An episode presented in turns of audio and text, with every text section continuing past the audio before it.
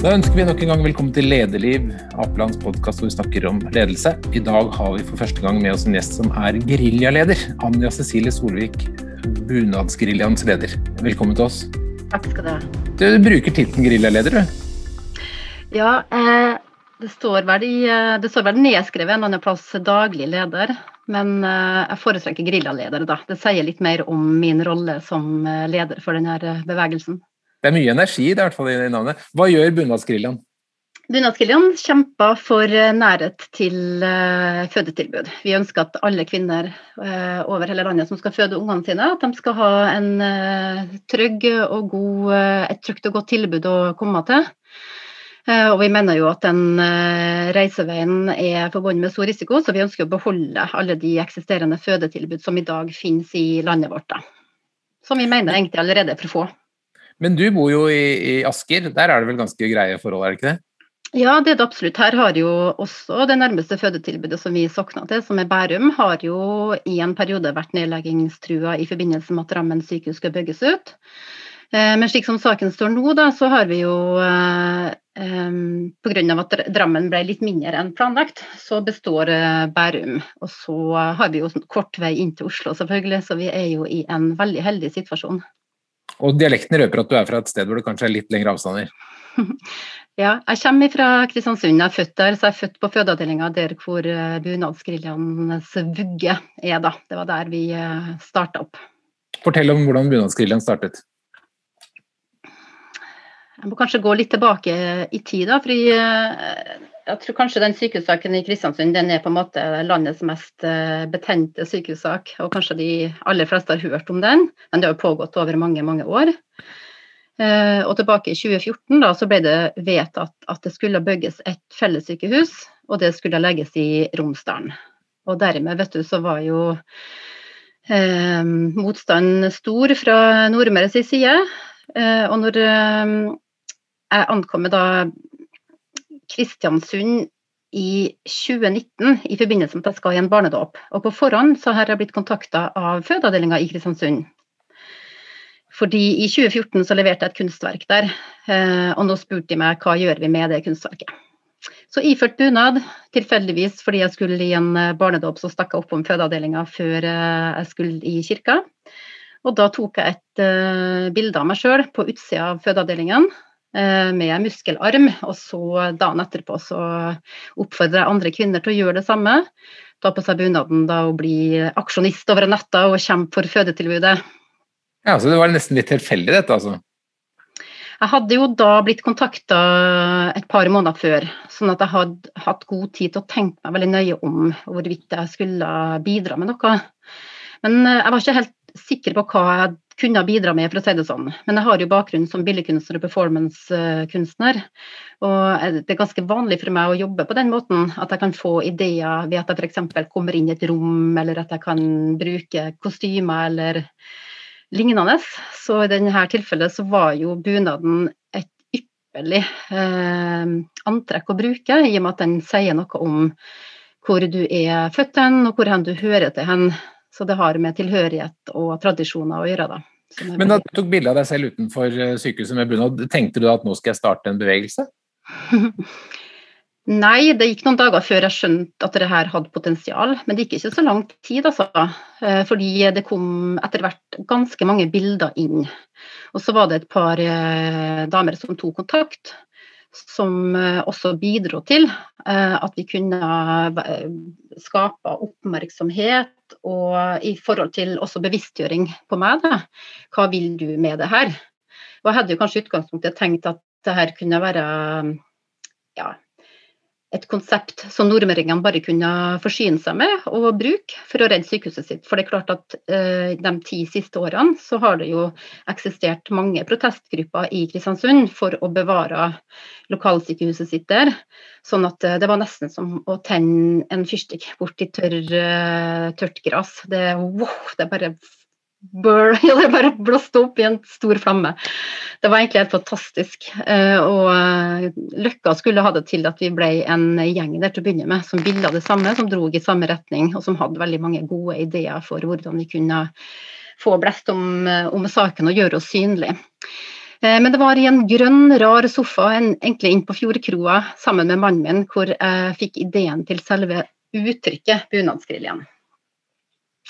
Ja, for det er et ganske sterkt uttrykk, det er et ganske sterkt ord? Ja, og det var jo litt sånn humoristisk ment, egentlig. Det sto mellom bunadsmafiaen og bunadsgeriljaen.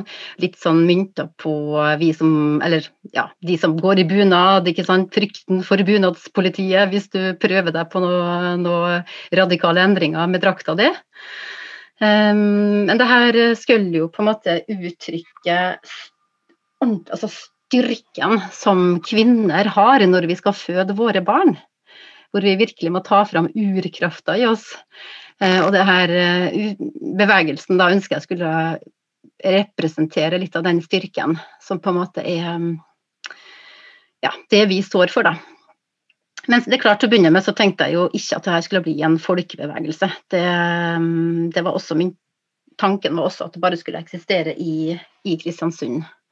Etter fire-fem uker så fikk vi vel eh, tilbakemelding fra politikerne i Kristiansund om at uh, Nordmøre hadde ikke vært samla siden Harald Hårfagres tid. uh, og det var jo en fin tilbakemelding, men da tenkte jo jeg at det neste vi ønsker å samle, er Romsdalen. Det hadde vært veldig fint hvis vi kunne ha klart å forene fogderiene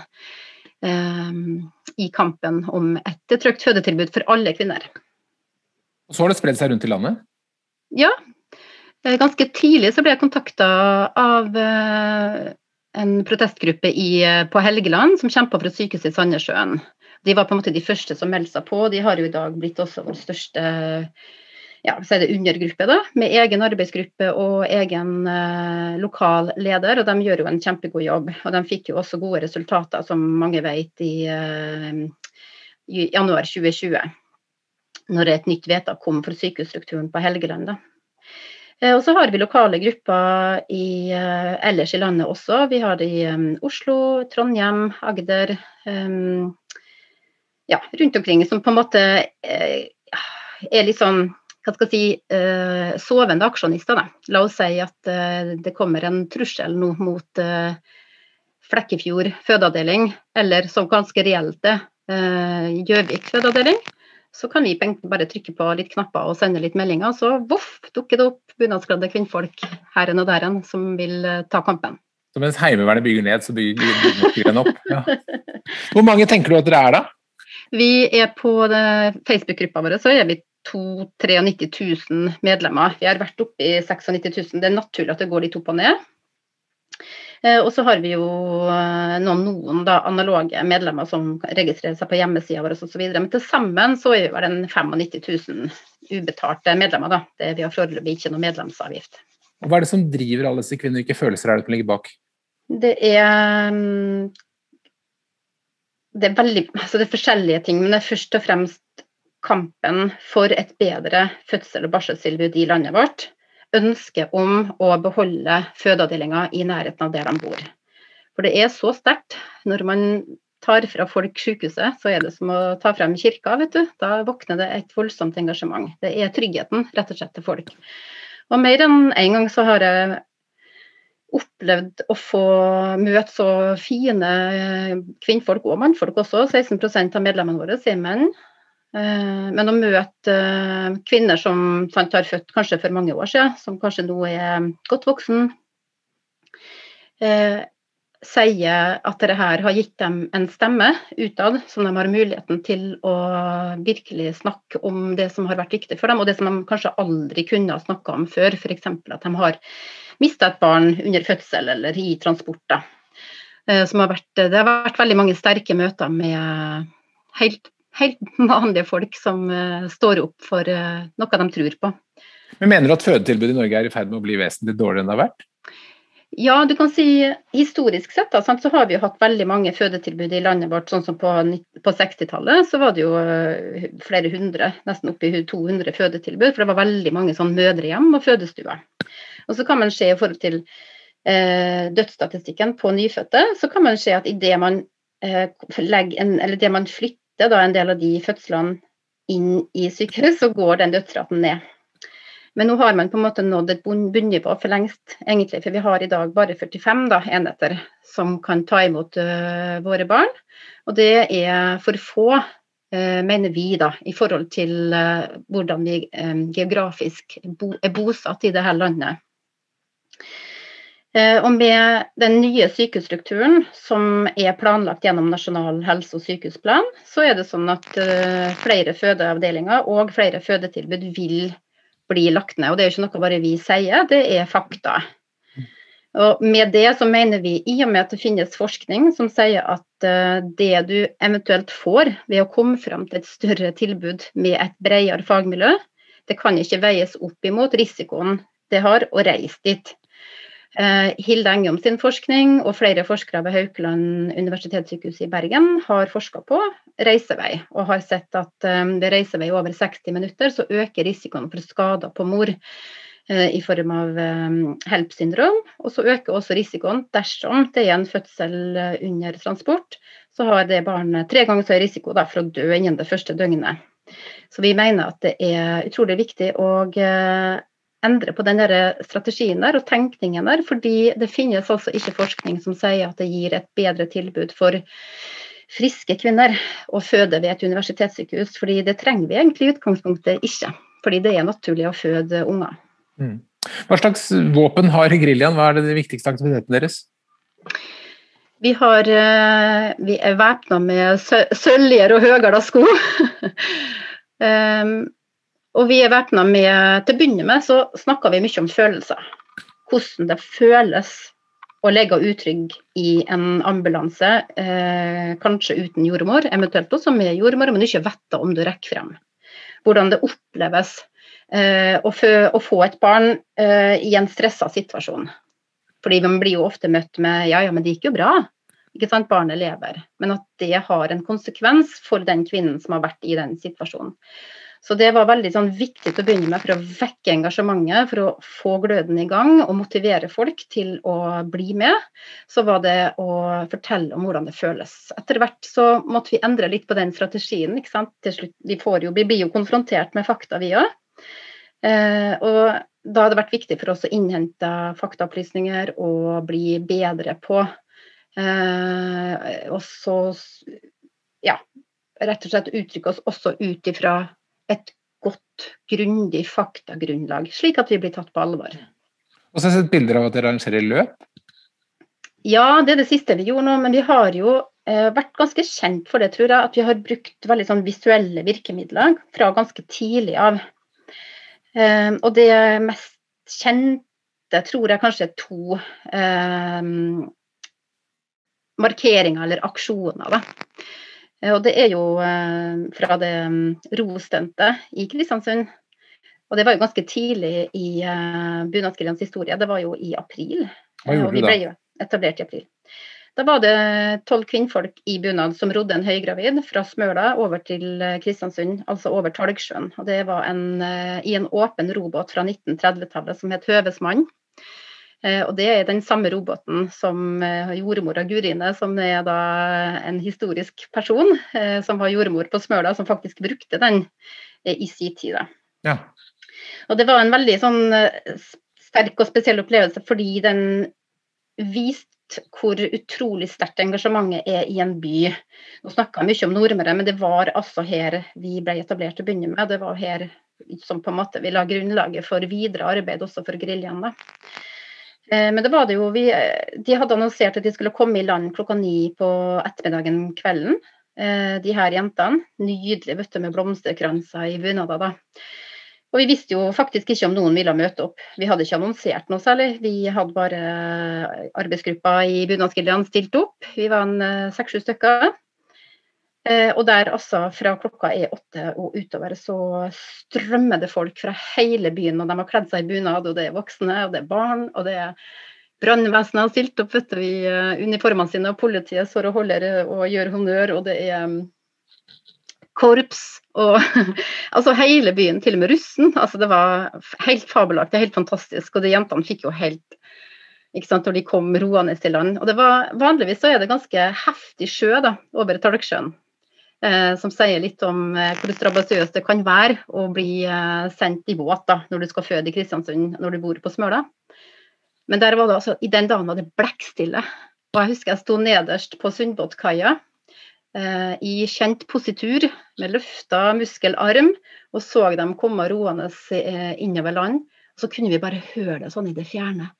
Ro, ro, ro, et kor av kvinner ute. Og utover havet så var det bare en drøss med små båter og, som fulgte dem innover. Og det var så utrolig rørende. Og når de kommer i land, så hun Ellen, som hun ene som da ror, reiser seg opp i båten og hilser på oss med å løfte muskelarmer. Og det har bare blitt et helt sånt ikonisk bilde, da. Og så sa du det var en bivende til? Ja, ja, altså vi måtte jo endre litt sånn kurs når eh, koronaen eh, kom litt brått på, også på oss, som, de, som hos de fleste andre. Så da eh, samla vi inn penger til å skrive en samfunnsøkonomisk analyse som skulle belyse sant, om det var bedre med to sykehus kontra ett. Og resultatet ble da sykla av en kvinne i bunad, som også er utdanna lege og jobber i, på St. Olav i Trondheim. Og hun sykla altså fra Kristiansund til kontoret til Bent Høie i Oslo med eh, konklusjonen som eh, var klinkende klar på at det var bedre samfunnsøkonomisk med to sykehus, ett i Nordmøre og ett i Romsdal. Dette er jo en gerilja som da åpenbart er bevisst kraften i sosiale medier? Ja, og det var jeg egentlig ikke så veldig fra før. Jeg har aldri vært noen sånn influenser eller noe sånt. Og vi har heller ingen med oss som er kjempegode på det. Så det har vært en, eh, noe vi har måttet lært oss underveis. Og så har på en måte eh, Vi har jo hatt som, si, Tidlig så tenkte vi jo så tenkte jeg jo egentlig at jeg måtte tilbake til Kristiansund for å fysisk hjelpe folk nesten til å ta, til å ta på seg bunaden, kan du si. Eh, men det er jo det her sosiale medier er ment for. Å spre noe positivt og eh, dele eh, det som man opplever er, man er engasjert i. da. Så vi har jo fått litt sånn god hjelp der, tror jeg, ved at vi har på en måte truffet litt på både timing, kanskje, og også at kvinner er ganske gode til å dele eh, hverandres bilder, f.eks. Og så jo, lå det jo i den oppfordringen at når du sjøl tar et bilde, så skal du sende oppfordringen videre til til noen andre. Sjøl var jeg riktignok den som alltid brøt kjedebrev som, som, ung, men det her funka veldig godt. da. Og så kunne man også vise seg fram på strategiske plasser i sitt område. og Det var jo også det da andre grupper gjorde etter hvert. Og vi har jo helt fantastiske fotografier fra Sandnessjøen som er også veldig kjent, med kvinner som står i i uh, fjæra steinene og brøler, ikke sant. Eller de har også nydelige bilder av seg med Eh, på helikopterdekket på sykehuset, som på en måte er lett å dele fordi de er så visuelt vakre. At man gjerne vil dele de til så mange som mulig. Dette med å lede en sånn organisasjon, det, det, det, å være en leder, er det noe du har hatt i deg siden du var liten? Som barn så var jeg veldig sjenert, men det endra seg når jeg kom på videregående. Eh, en liten fun fact er at jeg ble ansatt. Jeg tok over eh, jobben til Sissel Lønning Andresen, som du har intervjua faktisk som bingovertinne i eh, nær-TV-en, i lokal-TV-en på Nordmøre. Så jeg fikk den jobben ved siden av at jeg var elev på gymnaset i Kristiansund. Og så meldte jeg meg inn, eller jeg ble også med i det som het Norges gymnasiastsaband i forbindelse med at jeg var tillitsvalgt og var i elevrådet og litt sånn. Og um, det lærte jeg ganske mye av, og opplevde at også den jobben i, TV, i lokal-TV-en, der fikk jeg litt muligheten til å leke litt reporter og jobbe litt med sånn programutvikling. og var en veldig sånn ålreit uh, sjef der, husker jeg. Jeg kan også røpe at jeg faktisk har vært bingovert på lokal-TV også. Nei. men det er ganske lenge siden. let's, let's unite. Så gøy. Ja, men det er jo en øvelse i å eh, hva skal jeg si, ta seg sammen og prestere foran et kamera. Og, og det jeg også opplevde etter hvert, var at jeg, jeg hadde et veldig sterkt engasjement i meg. Eh, så jeg meldte meg etter hvert inn det tror jeg var i Unge Høyre. Eh, og, men så var det i forbindelse med Norges gymnasiastsamband. Jeg var med det året hvor faktisk den radikale delen gikk ut og danna Norsk elevorganisasjon, som jeg bare husker som en sånn wow, er det sånn det kan foregå i det politiske miljøet? Det var på en måte min første opplevelse av at folk kan være ganske røff med hverandre hvis det er noe de vil. Eh, og så, Dette var jo 1994, så vi arrangerte skolestreik over hele landet. Og så var det mitt ansvar å arrangere den streiken i Kristiansund. Eh, og da kan jeg huske veldig godt at jeg sto på talerstolen oppe på Folkets hus på verandaen der, kikka utover de nesten 1500-2000 elevene som hadde møtt opp, og hadde den veldig sånn, sterke følelsen av at nå er de her for å høre på meg. Og jeg husker til og med også at jeg langt bak der så min, e, faren min stå og kikke. Um, og jeg husker det som en ganske en følelse hvor jeg kjente veldig på et ansvar, da. Uh, og så opplevde jeg vel egentlig i kjølvannet av det at det å stikke seg veldig mye ut da, i en liten by, det hadde sin pris. Um, og jeg syns etter hvert at det ble litt vanskelig å stå i. Uh, og det gikk ikke så lang tid før på en måte livet tok en annen vending, selvfølgelig, og jeg flytta til Oslo for å studere. Og da, da hadde jeg vel egentlig skrinlagt um, planen om å kanskje gjøre noe innen TV, eventuelt politikk. Og så måtte det tilfeldigheter til å komme tilbake til barndomsbyen da, før du kunne stå frem som en uh, folkeleder? Det var jo veldig spesielt, for jeg sto jo faktisk, når jeg holdt den første appellen som geriljaleder, så sto jeg på akkurat den samme verandaen på Folkets hus. Men er det noen, er du, har du noen tenkt liksom, Er det en organisasjon, har du et system, er det en lederfilosofi, eller er det bare en, en tilfeldig Facebook-gruppe, dette? Nei da, vi har en, eh, et system. Vi har et uh, styre, som er et arbeidende styre. Uh, hvor det også er representanter fra Helgeland. og vi jobber jo ut ifra en strategiplan. Og da har man jo en felles strategi nasjonalt som handler om å styrke norsk fødselsomsorg og ha fokus på viktigheten av å beholde de fødeinstitusjonene som vi har i dag. Og spre informasjon um, om ja, tall fra medisinsk fødselsregister og hvorfor trygghet er så viktig, og ny forskning osv. Hva er utfordringen liksom gå fra et sånt stunt til en organisasjon, da? Det er veldig utfordrende.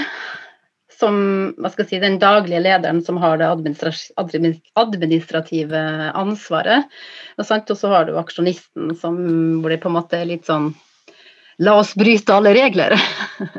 så det er en motsetning som eh, var hva skal jeg si, Det var lettere å forholde seg til det når det gikk veldig veldig bra. ikke sant? Vi hadde en voldsomt, opp, voldsomt oppgang til å begynne med. Vi, vi, vi hadde liksom 13 nye medlemmer på sida vår i døgnet. Eh, uansett hvor vi snudde og vendte oss hen, så var media der for å eh, dekke det vi sa.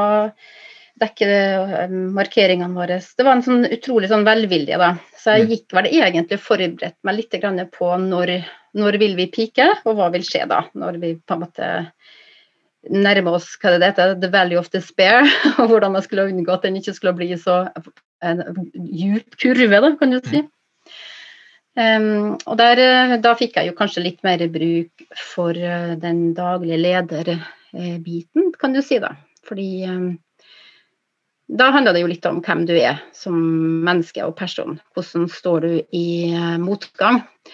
Eh, fordi det oppleves frustrerende for folk når det har vært veldig fremgang. Og når resultatene uteblir, så er det naturlig at de snur seg mot lederen og peker og spør jaha, hva nå? Hvor går veien hen nå? Og kanskje også har eh, kritiske tilbakemeldinger til hvordan jobben har vært gjort frem til da. da. Hvordan forsøker du å være som leder av Geriljaen?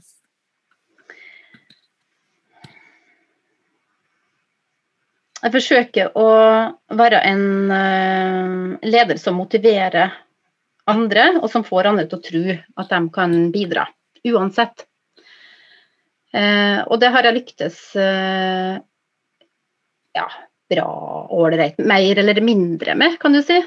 Vi har jo, altså, Organisasjonen har som lederfilosofi eller som, hva skal jeg si, filosofi, da, hvordan vi på en måte beveger oss framover mot uh, eh, ut ifra begrepene sammen i solidaritet, eh, med likeverd og verdighet. Ikke sant? Og så har jeg min egen ledelsesfilosofi. Eh, og den er egentlig sånn at min ledelsesfilosofi er at jeg må ta vare på meg sjøl. Jeg håper og tror at jeg har skapt noe som kan bestå uten meg. Men frem til nå og i dag så er ikke denne organisasjonen tjent med at jeg ikke orker mer. Og derfor så er det mitt ansvar å hele tiden ta vare på meg sjøl. Fordi den overordna ledelsesfilosofien min det er å lede fra hjertet. Mm. Og hvis jeg virkelig gløder for saken, og virkelig viser det utad, så er det den måten jeg kan motivere andre og få dem til å tro, virkelig sånn kjenne og tro at det her kan vi klare, da vi kan klare det sammen. Men Ser du for deg at dette er en organisasjon som kan bestå lenge? da må den jo endre form på et eller annet tidspunkt. ikke sant? Nå består den fordi det fremdeles foregår eh, kamper, og det er fremdeles et behov for denne organisasjonen. Eh, og det er jo litt sånn at Folk kommer og går når det er en frivillig forening. og Det er jo utfordrende med at det er folk som ikke er motivert av lønn eller penger. Sant? Det er folk man er motivert av saken. Eh, og mange har innspill og innvirkninger til hvordan man skal få det resultatet som man ønsker seg. Og det kan jo også noen gang være litt sånn utfordrende, da, men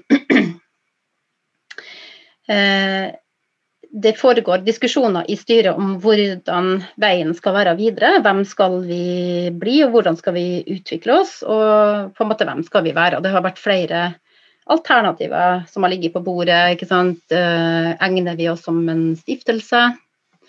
Skal vi fortsette som en sånn gerilja? Skal vi etter hvert bli en sånn type sånn sovende gerilja, sånn at helseministeren aldri helt kan være trygg? At vi bare hopper opp og angriper når det fødetilbudet er trua? Eh, eller hvordan? Og det vil være en prosess som vil fortsette litt fremover. Nettopp fordi akkurat nå så er vi i en pågående situasjon. Det er en pågående aksjon. Eh, vi har på en måte ikke tenkt å eh, gi oss på Nordmøre. Og vi har eh, også gruppene som sagt da, i innlandsområdet som ønsker hjelp av oss for å berge Gjøvik og Elverum og Tynset og Lillehammer, altså de fødeavdelingene som er trua i det området, med tanke på en ny sykehusstruktur der. Da. Men Er dere en del av en sånn større by- og landkonflikt?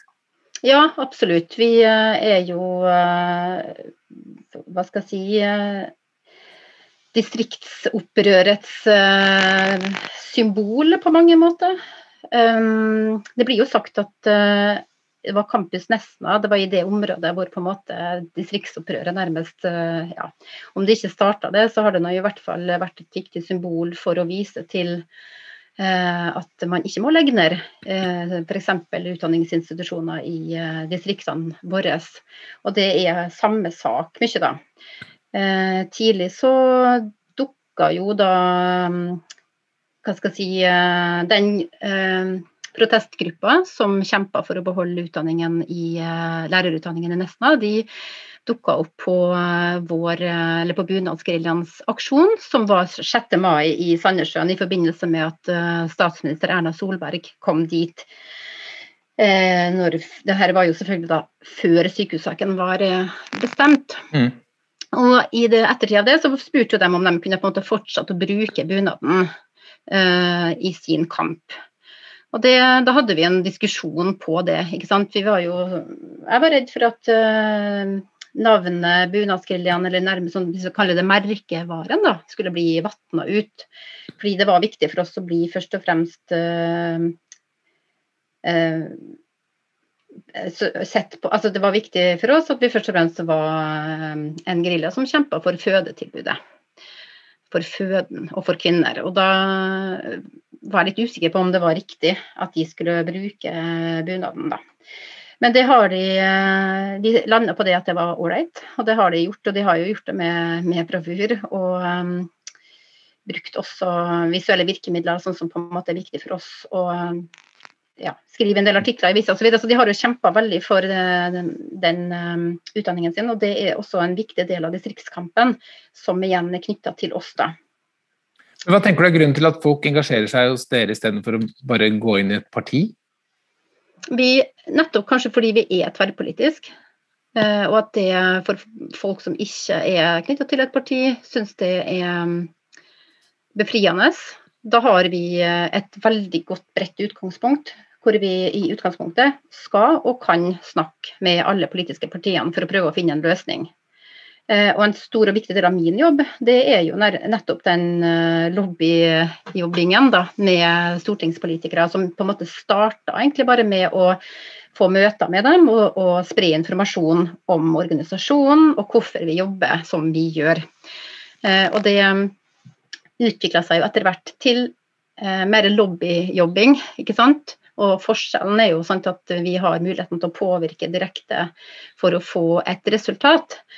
Eh, og når vi Den første store markeringen vår den var jo i Oslo 14. mai 2019 det var en halvannen måned etter at vi var eh, etablert. Da hadde vi jo 70 000 medlemmer, og vi eh, møtte jo opp eh, 500-600 kvinnfolk i bunad med ridende hester osv. Og, og, og hadde da en markering i forbindelse med et representantforslag fra Senterpartiet som var kommet opp om å bevare Kristiansund fødeavdeling for all fremtid.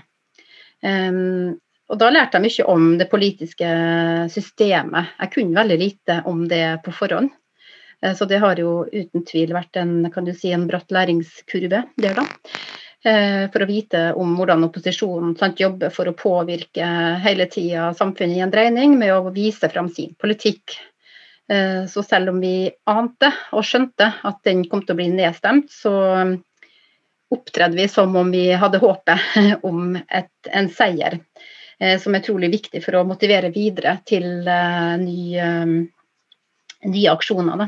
Mm. Eh, og da hadde, satte vi på en måte en, eh, en, en, frist. da. Innen ett år så skal vi klare å få et stortingsvedtak på å beholde fødeavdelinga i Kristiansund. Eh, og muligheten oppsto jo når Fremskrittspartiet gikk ut av regjering i januar 2020. Da gikk det ikke lang tid før de var på besøk på hovedkontoret til Bunadsgeriljaen i Kristiansund. Og vi, vaflene og kaffen sto på bordet. Eh, og kort tid etterpå så eh, had, kom det et forslag fra Fremskrittspartiet, som de etter hvert eh, gikk inn i Senterpartiet og samarbeidet med dem for å få det til. Og vi var jo med her og, og jobba i, i, kulissene, skulle jeg til å si, for å få dem til å bli enige. og da 12. mai 2020 så er debatten i gang i Stortinget, og to dager etterpå så er det votering. Så altså nøyaktig ett år etter så hadde vi et jeg si, et resultat som i hvert fall var et delmål, nemlig om å beholde fødeavdelinga i Kristiansund frem til et nytt eh, tilbud står klart i 2024. Så da hadde vi på en måte berga føden i fire år, da. Så det ble jo mye sånn, ja hva skal jeg si, var jo mye protester i forbindelse med det. fordi, eh, både fordi eller Først og fremst fordi Arbeiderpartiet eh, det var Arbeiderpartiets forslag om å beholde føden de fire neste årene. Mens de andre partiene da støtta subsidiært. Så det mm. her tror jeg kanskje kan bli en litt sånn høyt potet da, frem mot valget, mest sannsynlig. Hva er det viktigste du har lært om politisk påvirkning så langt? Ja, at, at alt, er, alt, er, egentlig mulig. Alt, alle dører er på en måte åpent. Eh, selv om det kan se ut som om det kan være lettere da, å nå inn til opposisjonen. Eh, selvfølgelig, men så er det også viktig å være i dialog med regjeringspartiene. Eh, Jf. den store endringen med at et av partiene gikk ut fra regjering. Det var det jo ingen som hadde forutsett. Eh, så det må man jo være sånn, hva skal jeg si, sørge for å være tro mot det tverrpolitiske. Og kunne være i dialog med alle. Så det viktigste jeg har lært der, er jo at um, ikke bruk deg helt opp, kanskje. Fordi uh, så lenge du er aktuell og det vinner seilene, så er du veldig populær uh, hos enkelte partier som ønsker å påvirke, spesielt da innenfor opposisjonene. Mm. Hvis det går som du vil, hvordan ser bunadsgeriljaen ut og, og situasjonen ved fødeavdelingen om ti år? Og det var et uh, herlig spørsmål. Det her kommer jo helt an på eller gjør det det? Altså, vi er usikre på hvem som, altså, hvordan man kan klare å påvirke politisk uh, frem til, eller etter valget, da, for å si det sånn, hvem som kommer i regjering, og hva de kan være villige til å gjøre. Eh, for det er vi jo helt avhengig av, at vi har en politisk dreining som faktisk forstår da, viktigheten eh, av å bevare dem. Sånn, eh, hvis jeg bare skal snakke ut fra drømmene mine, som som man gjerne, gjerne, gjør som, som, aksjonist, så skal man jo det. Så er jo det at vi både har beholdt de 45 institusjonene som vi har i dag. Jeg ser for meg at det er akuttilbud på Alta fødestue. Og at det kanskje også selvfølgelig er 100% følgesdekning av jordmor for alle kvinner som må reise eh, lenger enn 60 minutter. I dag er det 90 minutter som er grensa. Da, og da er bunadsgeriljaen pensjonert, eller? Sa du ti år? Ja. ja, jeg vet ikke Jeg vet ikke om vi på en måte er en hva skal jeg si, Det var jo det vi snakka om i sted også, da, om, eh, om, vi på en måte er en organisasjon fremdeles eh, da. Det er jo en eh, spennende tanke at vi fremdeles eksisterer, men samtidig skal man jo si at det hadde jo vært deilig hvis vi slapp, skulle jeg til å si. At vi kunne fått resultatene litt før. Vi har jo akkurat nå inngått et samarbeid med den, den nye protestbevegelsen Barselopprøret, som er jenter som har født i løpet av koronaepidemien, ikke sant. Og så har de da danna en eh, protestbevegelse basert på at det ikke var et godt tilbud verken på klinikken de fødte på, eller i kommunen når de kom hjem. Eh, så de var misfornøyd med barseltilbudet og har nå fremma ganske sånn konkrete krav da, til politikerne. Og så har vi hatt flere møter med dem uh, og ja, bidratt med en litt startkapital. Og håper og tror da, at de vil også bli en viktig bidrags, bidragsyter fremover mot valget når det gjelder å komme med kloke innspill til saka. Mm. Mm. Basert på din erfaring som geriljaleder, hvis det kommer en ung person til deg og sier jeg vil starte en gerilja, hva er de tre viktigste lederrådene du vil gi? Sove godt om natta. Eh, jeg vil nå sette eh, grenser for deg sjøl eh, og stå i stormen. Og så kan alt læres. Ja. Mm. Sånn har det i hvert fall vært for meg. Jeg måtte ha lært, ja, måtte ha lært meg det aller meste på min, på min vei. Og så er det jo et veldig viktig råd, og det er jo å finne finne de riktige folkene. Og det gjelder jo egentlig i alle eh, bedrifter, skulle jeg si. At du må eh, ha en god sammensetning av forskjellige typer folk rundt. Eh, selv om det gjerne er sånn i en folkebevegelse, så handler det vel også like mye om, om å se potensialet i dem du har, og bruke dem så godt du kan. God avslutning. Anna Cecilie Solvik, tusen takk for at du kom til Lederliv. Lederliv er en podkast fra kommunikasjonsbyrået Apeland. Vi legger ut nye episoder hver fredag. Redaksjonen består av Ellen Paulsen, Lars Jarle Melum, Lars Volden og meg, som heter Ole Kristian Apeland. Send e-post til tipsatlederliv.no, eller rett til meg på oleatapeland.no. Takk skal du ha.